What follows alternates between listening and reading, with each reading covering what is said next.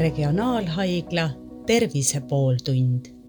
tervist, te kuulate Regionaalhaigla Tervise pooltundi, minu nimi on Hando Sinisalu ja täna räägime traumadest.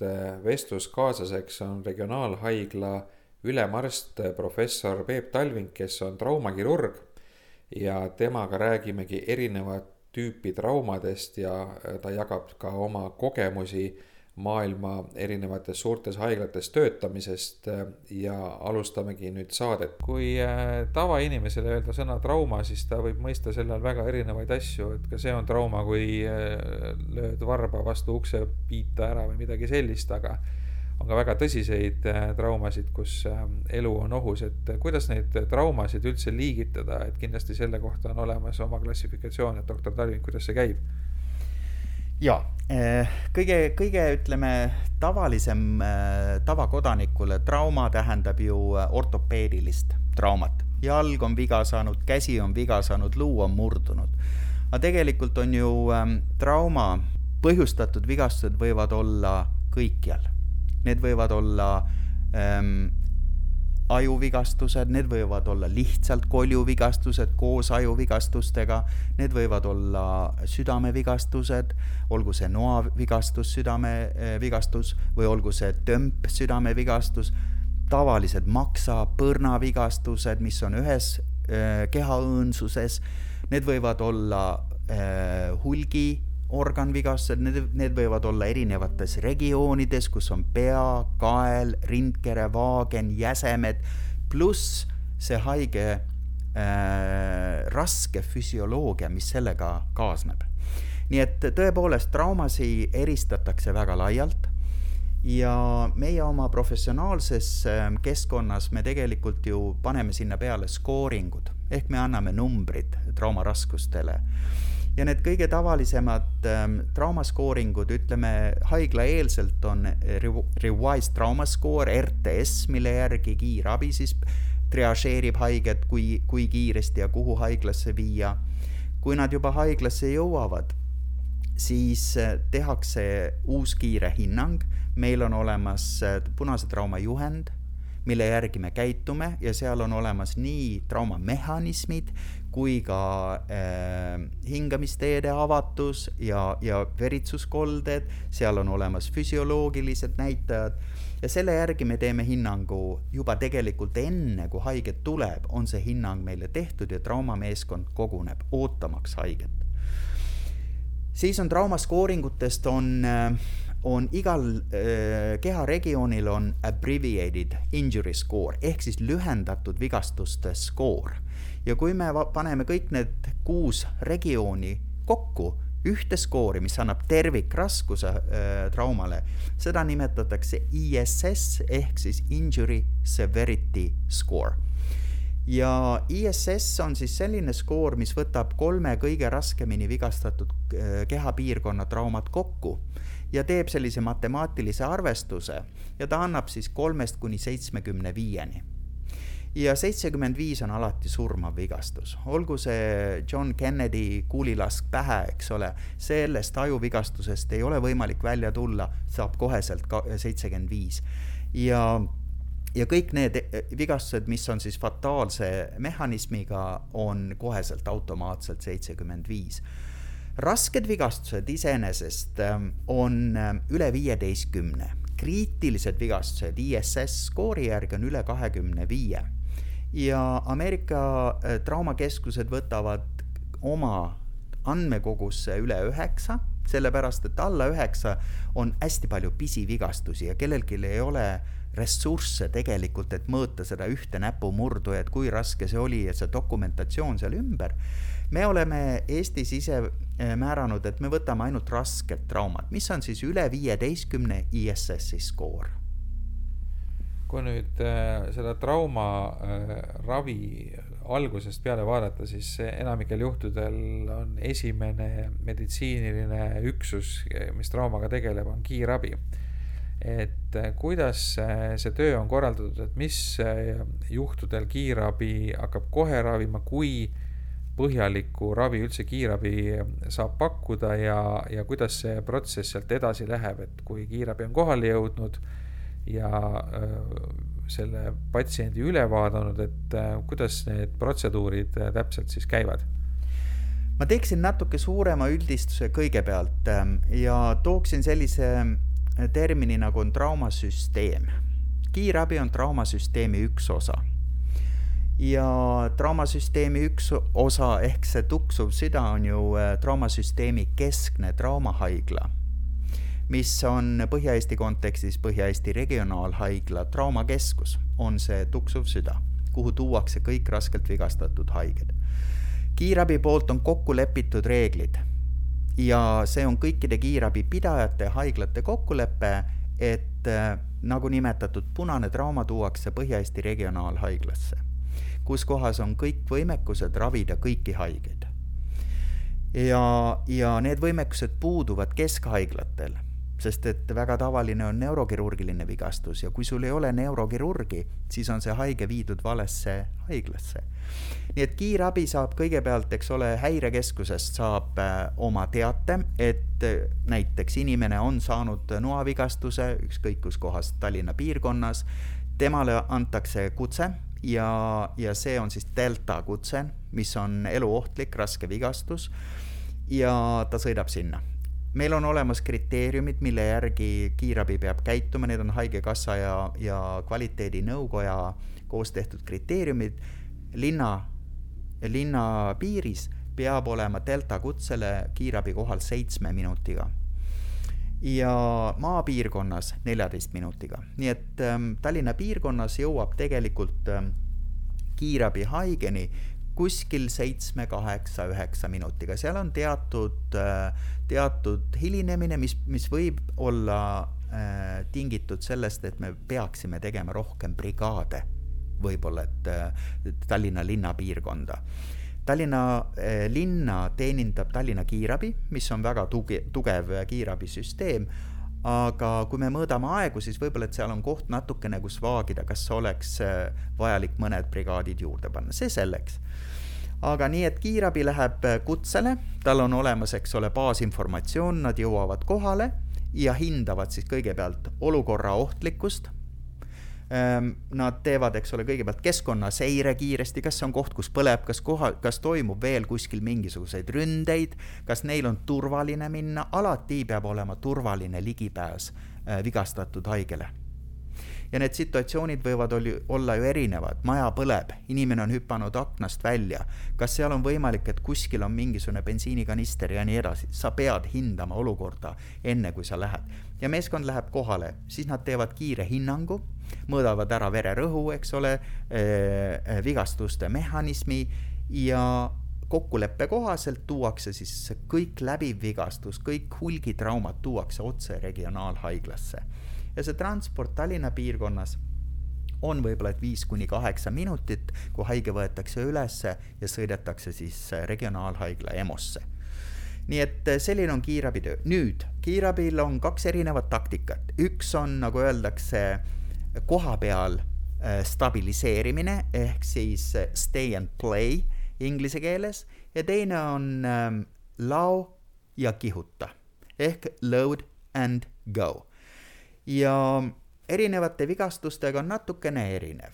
kui sul haige on stabiilne, siis loomulikult on mõistlik stabiliseerida ära see jäse, panna kiire lahas, sest et äh, ebastabiilne jäse võib saada viga ka transpordi ja kolimiste käigus ühelt raamilt teisele, ühest uksest läbi ja nii edasi aga kui sul on, ütleme, noavigastus rindkere piirkonda ja haige vererõhk on kaheksakümmend, seal ei ole mitte midagi stabiliseerida, seal on vaja haige laduda kiirabile ja kõige parem vedelik, nagu ma ütlen alati, äh, haiglaeelses keskkonnas on diisel. vajuta gaasipedaalile nii kiiresti kui võimalik traumahaigla poole, kus on võimalik seda haiget opereerida. sellepärast, et veresoonte vigastused kehatüves, südamevigastused, seal ei aita mitte üh-, mitte ükski stabiliseerimine, ei lahused intravenoosselt, ei head sõnad, seal on ainult kiire kehaõõnsuse avamine, klemmi asetamine, vere, eh, veremahu taastamine verekomponentidega, see vajab kompleksset ravi ja nii kiiresti kui võimalik. nii et taktikad on erinevad, seda tehakse alati juhupõhiselt kas äh, mujalt maailmast on ka praktikaid selle kohta, et kiirabi võtab endale suurema rolli, seesama kirjeldatud juhtum, kui on näiteks äh, rindkere vigastus, äh, sisemine verejooks, kas, kas kiirabil võiks olla ka võimekus tegeleda sellise küsimusega, näiteks avada rindkere juba seal kohapeal ja ja panna need klemmid ja, ja teha muidki tegevusi koha peal, enne kui veel üldse traumakeskusesse jõutud pole? ja see on tavaline debatt Äh, kiirabipidajad mitmetes äh, maades ja piirkondades tahaksid seda äh, teha. ja, ja mõnes mõttes on see ka, ütleme, andmete poolt toetatud, näiteks on olemas üks uuring, mis tuli Londoni piirkonnast, ma tunnen inimesi, kes lendavad ähm, London Air Ambulance'iga, mis on siis helikopteri teenus, eks ole.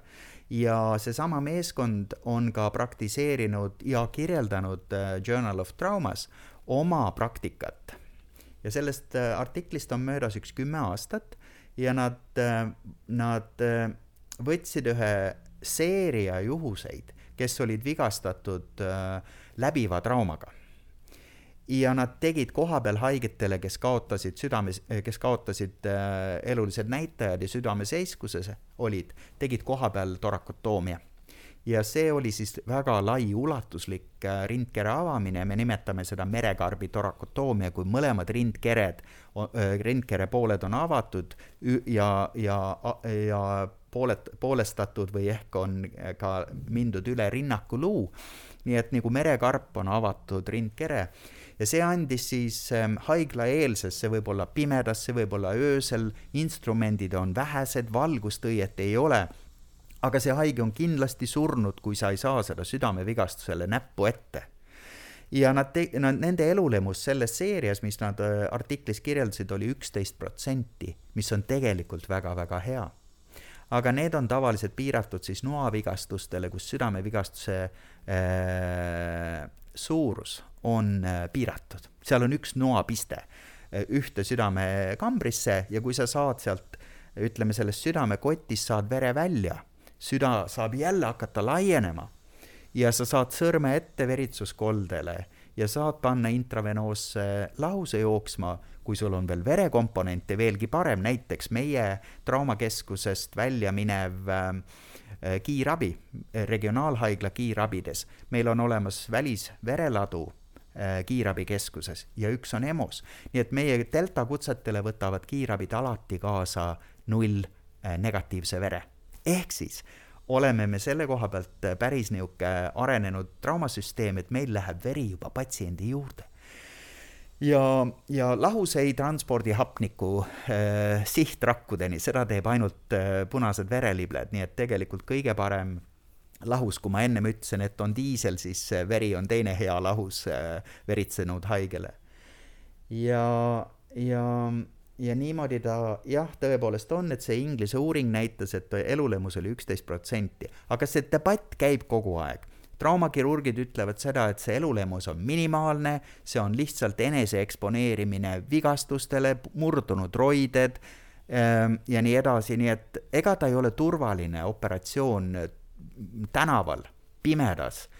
ja, ja isegi kui sul on pealamp ja sa saad suunata, eks ole, kiirabi prožektori ähm, selle, selle haige peale, kui sa seda teed, ta ei ole, ütleme, turvaline tänapäevane kirurgia, aga kui sul on meeskond, kes on saanud hea väljaõppe, siis on siis, siis üksteist protsenti elulemust ei ole halb. No hulgitraumad on keerulised ja eeldavad paljude spetsialistide koostööd, et kui, kuidas see käib, et äh, kui ongi selline haige, kellel on peavigastus, rindkerevigastus, jäsemevigastus, nii edasi, et äh, kuidas see, see järjekord käib, et, et kes, kui, kuidas, millega tegeleb ja kui kaua see protseduur kõik aega võtab? me kõik jälgime ühte standard ähm, protokolli vigastatud haige juures ja selle nimi on ATLS ehk Advanced Trauma Life Support.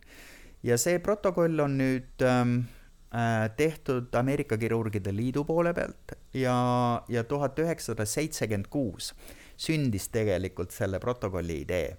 ja see juhtus niimoodi, et ähm, Steiner oli üks Ameerika ortopeed, kes lendas oma naise ja kolme lapsega, lendas Los Angelesest Burbanki lennuväljalt äh, Nebraska poole, kus ta kodukoht oli.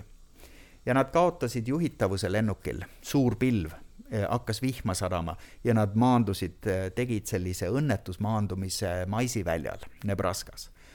ja äh, Steineri naine sai kohapeal surma Äh, lapsed olid raskelt vigastatud, ta ise oli raskesti vigastatud ja ta otsis siis abi ja ta lõpuks ta hääletas, hääletas auto, mööduva auto ja sai esimesse haiglasse, kus ei olnud absoluutselt võimekust aidata teda. Ta ise ortopeedina ravis paremini oma vigastatud lapsi, olles ise vigastatud. ja ta kirjutas need ajaloolised sõnad, mis on siiamaani kõikide traumakirurgide äh, mälus ja teadmises on see, et kui süsteem ei suuda paremat ravi anda kui mina ise vigastatuna oma perele, siis peab süsteem muutuma. ja sellest tekkis siis ATLS-i koolitusinstrument. Ameerika Kirurgide Liit võttis selle enda kanda ja täna on ta jõudnud üle terve maailma ja meie tõime ATLS kursuse Eestisse aastal kaks tuhat viisteist ja me oleme tänaseks koolitanud kolmsada pluss Eesti eriarste, tudengeid ja nii edasi. nii et me kõik jälgime ühte protokolli, see on ATLS. mis on siis ATLS-i esimene printsiip? A on airway ehk hingamistee tagamine ehm,. ei ole mingit mõtet sulgeda ju ehm, või ütleme, reponeerida, kohandada luumurdu, kui sul ei ole, haigel ei ole hingamistee vaba. kui sa oled vee all ja sa ei saa hapnikku. mitu minutit sul on, sul on üks minut, sul on maksimaalselt kaks minutit ja siis hakkab, eks ole ju, elu lõppema. nii et hingamistee tuleb tagada esmalt. Kas see on siis lihtsalt baasmeetoditega tõsta lõuapära üles, avada hingamistee, lisada hapnik või vajab haige juhitavat hingamist ja intubatsiooni. igale seal on omad riskid, iga eelised, aga see võetakse juhupõhiselt, see otsus. nii, kaks on gaasivahetus, isegi kui sul on hingamistee lahti ehk toru on avatud, aga kopsus ei toimu hapnikustamine ja süsinikdioksiidi äh, väljahingamine, ei ole ka ju abi sellest, et sul on, magistraal on lahti, aga ei toimu, eks ole, gaasivahetus. nii et ähm, teine on B ja see tavaliselt on dreneerimine. Ehk äh, vererin-, äh, vere dreneerimine, õhu dreneerimine rinna, rindkere õõnsustest. C on järgmine, see on, eks ole, tsirkulatsiooni kontroll ehk siis veritsus, kolde peatamine, veritsuse peatamine, olgu see surve sõrmega, olgu see škutt, mis pannakse jäsemele peale, millest pritsib verd, või olgu see südamevigastus, mida saab kontrollida ainult opitoas. aga sa pead selle tegema, sa ei saa minna üle elu ohustavast veritsuskoldest Äh, ja, ja sellest johtuvalt need teised komponendid äh, protokollis võivad isegi tulla palju hiljem. Nii et kui C on siis äh, kolmas, siis neljas on D, mis on siis disability, need on kõik neuroloogilised vigastused. Ja E on terve haige eksponeerimine, vaatamaks, et teil, tal ei ole, tal võib olla näiteks kukkunud kolmandalt korruselt, aga enne seda sai ta noahoobi selga. ja kui sa seda noahoopi ei näe, siis sa võid täiesti valesi hinnanguid tegema, ehk E on exposure, terve keha äh, eksponeerimine, vigastuste hindamine ja keskkonnakontr-, keskkonnakontroll, et haige ei kaota temperatuuri. pannakse soojalt, soojad tekid peale nii kiiresti kui võimalik, tuba soojendatakse maksimaaltemperatuuri peale, et haige ei kaota, sellepärast et äh, külmhaige veritseb. Nii et need on meie eh, protokolli põhiselt alati ühtemoodi, olgu see laps, olgu see eh, last ootav naisterahvas, olgu see üheksakümne aastane vanaema, vanaisa, kes on kukkunud trepil, kõikidele ühtemoodi no meediast jääb tihti mulje, et äh, trauma äh, operatsioonid äh, kestavad tunde ja tunde, isegi kaheksa, kümme tundi järjest, et erinevad spetsialistid teevad oma töö ära, siis tulevad järgmised, et kuidas see nagu tegelikkuses välja näeb? jaa, mul tuleb kohe mõte, kui sa niimoodi äh, kirjeldad neid pikki operatsioone, kui me mäletame Anna Lind, kes oli Rootsi välisminister ja Anna Lind sai ju äh, NK kaubamajas keset Stockholmi, sai ähm, ühelt kurjategijalt sai kaks noahoopi kõhupiirkonda ja kuna see oli välisminister, loomulikult kihutati ta kiiresti Karolinska ülikooli haiglasse, kus mina ka töötasin sellel ajal. Aga mind ei olnud Rootsis sellel, sellel samal päeval ja Anna Lind toodi haiglasse ja välisminister. kõik professorid seisid ukse taga järjekorras, et aidata, kõik. see tähendab seda, et sul oli veresoonte kirurgia professor, sul oli trauma, sul oli ähm, äh, maksakirurgia kõrgemad spetsialistid, maksasiirdajad olid kohal, sest et tema vigastus oli maksapiirkonnas, seal olid suured veresooned vigastatud Värati veen tegelikult ja mitmed teised piirkonnad, nii et seal seisis terve järjekord kõige kõrgemaid eksperte plaanilisest kirurgiast. aga mis oli puudulik, oli see, et ei olnud ühte kaptenit, kes nägi seda, et äh, me peame tegema lühikese kirurgia, mida me täna nimetame ja juba nimetame tegelikult ajaloolise perspektiiviga damage control kirurgia ehk siis lühendatud kirurgia, mille eesmärk on peatada veritsus ja peatada kontaminatsioon sooltest. ja soojendada haige ülesse, viia intensiivravi osakonda, normaliseerida kogu füsioloogia ja tulla tagasi teisel päeval võitlema, kui haige on stabiilne ja selle nimi on äh, damage control strateegia. see strateegia on päästnud, äh, ma ütleksin, viimase kahekümne aasta jooksul kõige rohkem elusid. strateegia ise sest et näitena ma võin tuua, et juba Howard Pringle, kes oli äh, üks Šoti kirurg, kasutas äh, seda äh, strateegiat ja siis tuli Harlan Stone, kes on Ameerika üks väga-väga äh, respekteeritud kirurg. tema opereeris minu mälu järgi kolmkümmend üheksa haiget ja ta mõtles seda, et kõik need haiged enne ta praktikas surid ära. Nad olid lihtsalt verest tühjaks jooksnud, külmad ja kui ta tegi seda kahe või kolmetunnist kirurgiat, et kõik sooleotsad kokku õmmelda ilusti, kõik perfektselt kokku, kõhukoobas kinni panna, võtta aega, need haiged surid. Ja kui ta muutis oma taktikat ja ütles, et teate, ma teen niimoodi, et ma peatan veritsuse, ma äh,, äh, ma seon lihtsalt väikse äh, paelaga, seon sooleotsad kinni kiiresti pesen sooja veega kõhukoopa puhtaks, panen kinni ja tulen tagasi kahe päeva pärast. on haigetel parem elulemus ja tõepoolest, need haiged, kes eh, selles uuringus, mida ta Annals of Surgery's tuhat üheksasada üheksakümmend üks publitseeris, oli elulom-, elulemus oli ühel grupil, kes siis läks damage control strateegia kohaselt, sai ravi oli üheksakümmend kolm protsenti ja teises grupis oli seitseteist protsenti või viisteist protsenti. suur erinevus ja sealt läks see nagu kulu-tuli trauma äh, ühiskonda, et tõepoolest. nii et me kasutame damage control strateegiat alati oma mõtetes, kui haige on külm, raskesti vigastatud, me teeme minimaalse. Ja see kuldne, kuldne operatsiooni aeg peaks olema umbes tund. Kui on vaja, okei okay,, natuke pikemalt, aga mitte pikalt üle, sest et avatud õõnsustega haige opitoas, isegi kui tuba on soe, külm jahtub.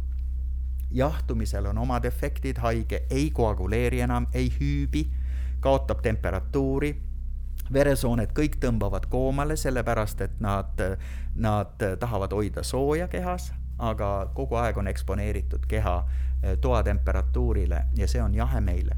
Nii et äh, lühike kirurgia, hästi planeeritud, kiired liigutused ja kiiresti intensiivravi osakonda, sealt tagasi, kui haige on stabiilne. No me oleme pikalt rääkinud sellest, äh, mida arstid saavad teha elu päästmiseks, aga te olete hästi palju erinevaid juhtumeid näinud nii Eestis kui USA-s kui Rootsis kui Lõuna-Aafrikas, kus te töötanud olete, et kas on võimalik ka mingeid üldistusi välja tuua, et millist tüüpi patsiendid on suurema eh, tõenäosusega tulevad sellest traumast välja kui teised, et kas siin on mingisuguseid eh, ühiseid nimetajaid ka?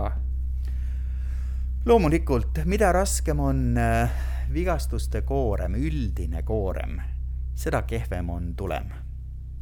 kõige tavalisemad surmapõhjused traumajärgselt on number üks ajuvigastused circa nelikümmend protsenti kõikidest traumajärgsetest surmadest on ajuvigastused. ja siin oleks väga mõistlik ju mõelda sellele, kuidas ma kaitsen ennast, kuidas me eh, harime kogukonda. ja, ja äärmiselt oluline on öelda kõik, kus kohas on võimalik kiivrit kanda, olgu see rula sõitmine, olgu see ratta sõitmine, kandke kiivrit, olgu turvavööd peal. nii et ajuvigastused ja järgmised on veritsusvigastused kas see on veresoonte vi-, veri-, veritsus või on see vaagnamurrust tulenev veritsus või on see isoleeritud maksatrauma, põrnatrauma ja need on siis kaks kõige tavalisemat traumajärgset surmapõhjust. ja, ja loomulikult on, tulemid on ju väga head, kui sa murrad ära ainult ühe, ühe luu laba jalas, see ei viigi surmani ju nii et kõik oleneb situatsioonist, trauma raskusest, mehhanismist ja ka patsiendi olemus, olemusest, vanusest, kaasnevatest haigustest.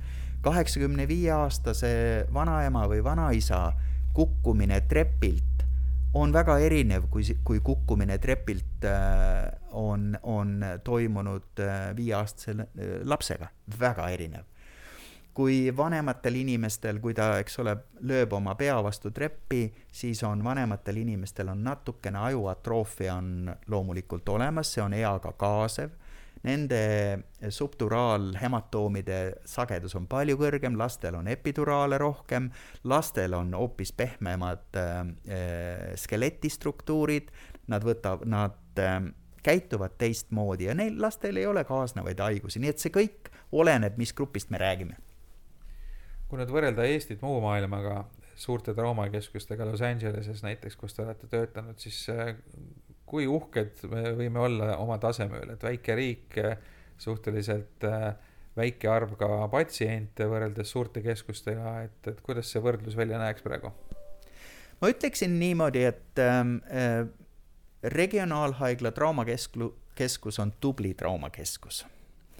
ja, ja meil on ravivõimekused ähm, olemas, kõik ravivõimekused olemas, meil puudub ju praegu siduserialadest, puudub näiteks sünnitusabi, sest et me ei tegele, eks ole ju, raseduse ja raseduspatoloogiaga ja sünnitusega, seal on meil väike puudujääk, võib-olla et kunagi perinataalkeskus meie piirkonnas lahendab ka selle ekspertiisi, toob meieni, me oleme neid haigeid siin ravinud, ma mäletan väga selgelt äh,, sellest on möödas kolm-neli aastat tagasi, kus äh, kus äh, last ootav ema sai südameseiskuse kodus ja tuli kohale äh, südameseiskuses ja me tegime elustava torakotoomia emale elustava keisrilõike, päästmaks seda loodet, kes oli potentsiaalselt elulev.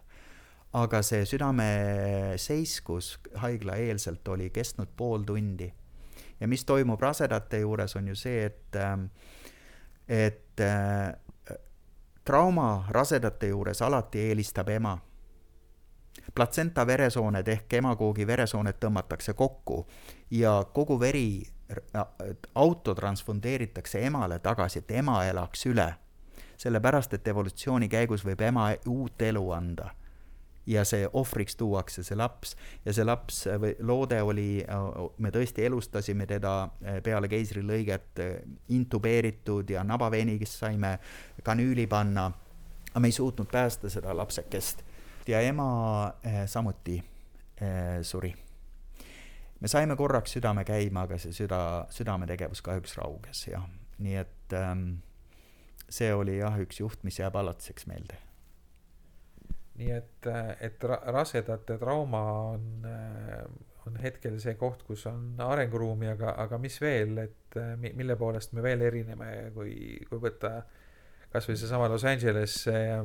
võrdluseks, mis on noh, igatepidi nii klimaatiliselt, suuruselt, etniliselt koosseisult kui, kui mis tahes näitaja poolest veel Eestist ikka päris erinev. ja see on ju tegelikult populatsioon, kes elab selles piirkonnas, see on äh, Äh, droogide kättesaadavus, see on gängide elu, mis puudutab Los Angelest ja see on terava ehk läbiva trauma. läbiva trauma all meie defineerime nii noavigastusi kui kuulihaavu.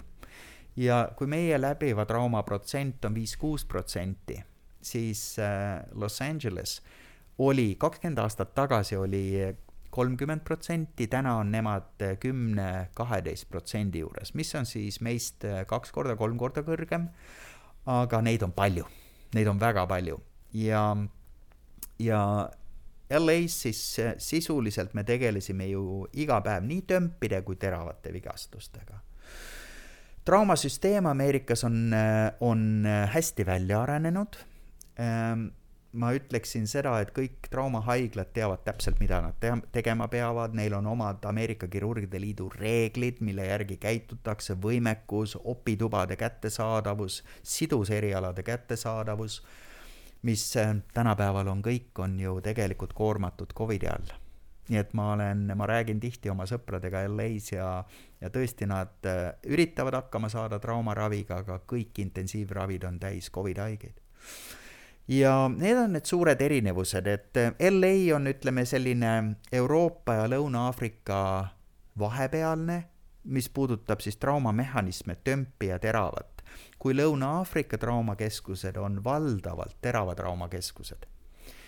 ja Eesti on siis eh, ja ka Rootsi ja Soome on ju enamalt tömbitrauma pärusmaa. inimesed kukuvad, inimesed saavad viga liiklusõnnetustes aga vähem on relvi liikluses äh, inimeste käes ja vähem on ka, ütleme, droogide sõdasid. kas teil on mõni selline traumajuhtum, mis on teie pikast äh, praktikast kuidagi eriti selgelt meelde jäänud, te ühte sellist äh, õnnetu lõpuga juhtumit kirjeldasite, aga saate lõpuks äkki on ka mõni selline, kus on happy end? Oo, neid on palju, neid happy end'isi on palju ja, ja ma just täna mõtlesin äh, paari juhu peale, iga südamevigastus, kes läheb teisel päeval koju, on ju ekstreemselt happy end. südamevigastused surevad üheksakümmend kaheksa protsenti enne, kui nad haiglasse jõuavad. sisuliselt südamevigastus on surmavigastus ja need, kes jõuavad haiglasse ja hoiavad mingisugust eh, hemodünaamikat, nendel on elulõmus päris hea ja sii-, need on kõik alati happy end'id, sest et eh, surmasuust on inimene tõmmatud välja õigete tegevustega. siis ma just mõtlesin ühe juhu peale äh,. Oh, üks haige, kes, ähm, kes ähm, tuleb mul meelde LA-st, ähm, mina olin valves sellel, äh, sellel päeval aga, aga samal ajal ma õpetasin asset ähm, kursust ähm, haigla ühes teises korpuses ja minu fellow, kes on siis eriarst oma, oma eriharidust, tegi traumakirurgias ja intensiivravis, tema oli valves, helistab mulle ja ütleb, et doktor Talving, siin on mingisugune häda, mingisugune jama on, mille, mi-, mi-, mida ma siin nuputan, üks mees, circa viiekümne aastane, on tulistanud ennast ähm, äh, naelapüstolist, töötas ehitusel äh, ja on tulistanud ennast ähm, rindkeresse naelapüstolist ja ma näen, et ähm, röntgenpildil on see nael kuskil, ähm, kuskil rindkere keskel, keskseinandi piirkonnas, vasakul on verirind, aga ta on enam-vähem stabiilne, rõhk on niisugune sada kümme, löögisagedus sada kümme ja aga miski on, miski on kehva. no ma ütlesin, okei okay,, tee küljepilt ka tegi teise pildi ja siis kirjeldab, et selle pildi peal on näha, et nael on äh, lülisamba külge ennast kinnitanud, läinud nagu lülisamba sisse, aga selle naela tee peal on ju suured veresooned ja ka süda. ja ma ütlesin, et okei okay,, ma tulen. jooksin siis alla ja haige oli sellel ajal niivõrd stabiilne, et sai kompuutrisse minna ja ma vaatan jooksvaid kompuuterpilte, mis tulevad mu silme ees ja ma näen, et äh, see suur nael on läinud ja, ja äh, läinud läbi aordist, kõige suuremast äh, veresoonest meie kehas ja naelutanud aordi lülisamba külge kinni ja naelapea on aordi valendikus. ja see oli tõesti selline, äh, selline mõte käis mul peast, kuidas see võimalik on ja mida me nüüd teeme. aga kiiresti äh, tehti otsus, torakotoomia, vasakpoolne rindkere operatsioon ja plaan oli panna aordile peale klemm ülesse, alla ja eh, vaadata, kas on võimalik see vigastus kinni õmmelda ja haige oli sedavõrd eh, stabiilne, et vasakust rindkerest jooksis verd, aga me saime kenasti lõikust tuppa viie minutiga, eh, kümne minutiga oli meil rindkere lahti, klemm aordi peal, klemm aordi peal ja siis ma mäletan hästi, ma panin oma kaks kinnastatud sõrme, lükkasin sellest august lük-, lükkasin kahe sõrmega seda audu, augupiirkonda ja sealt ilmus välja naelapea, mille ma klemmiga välja tõmbasin, õmblesin esimese äh, augu läbi äh, proleenõmblusega, sain ka pöörata aorti, teha õmbluse taha ja, ja sinna tekkis väike aordi ahenemine sellesse kohta, aga pärast peale lõikust mõõtsime gradienti, see oli minimaalne, nii et äh, see oli üks niisugune happy end ja neid on palju veel. Tänase saate külaliseks oli Regionaalhaigla ülemarst, professor Peep Talving, kes on traumakirurg ja teda küsitles Hando Sinisalu, aitäh kuulamast.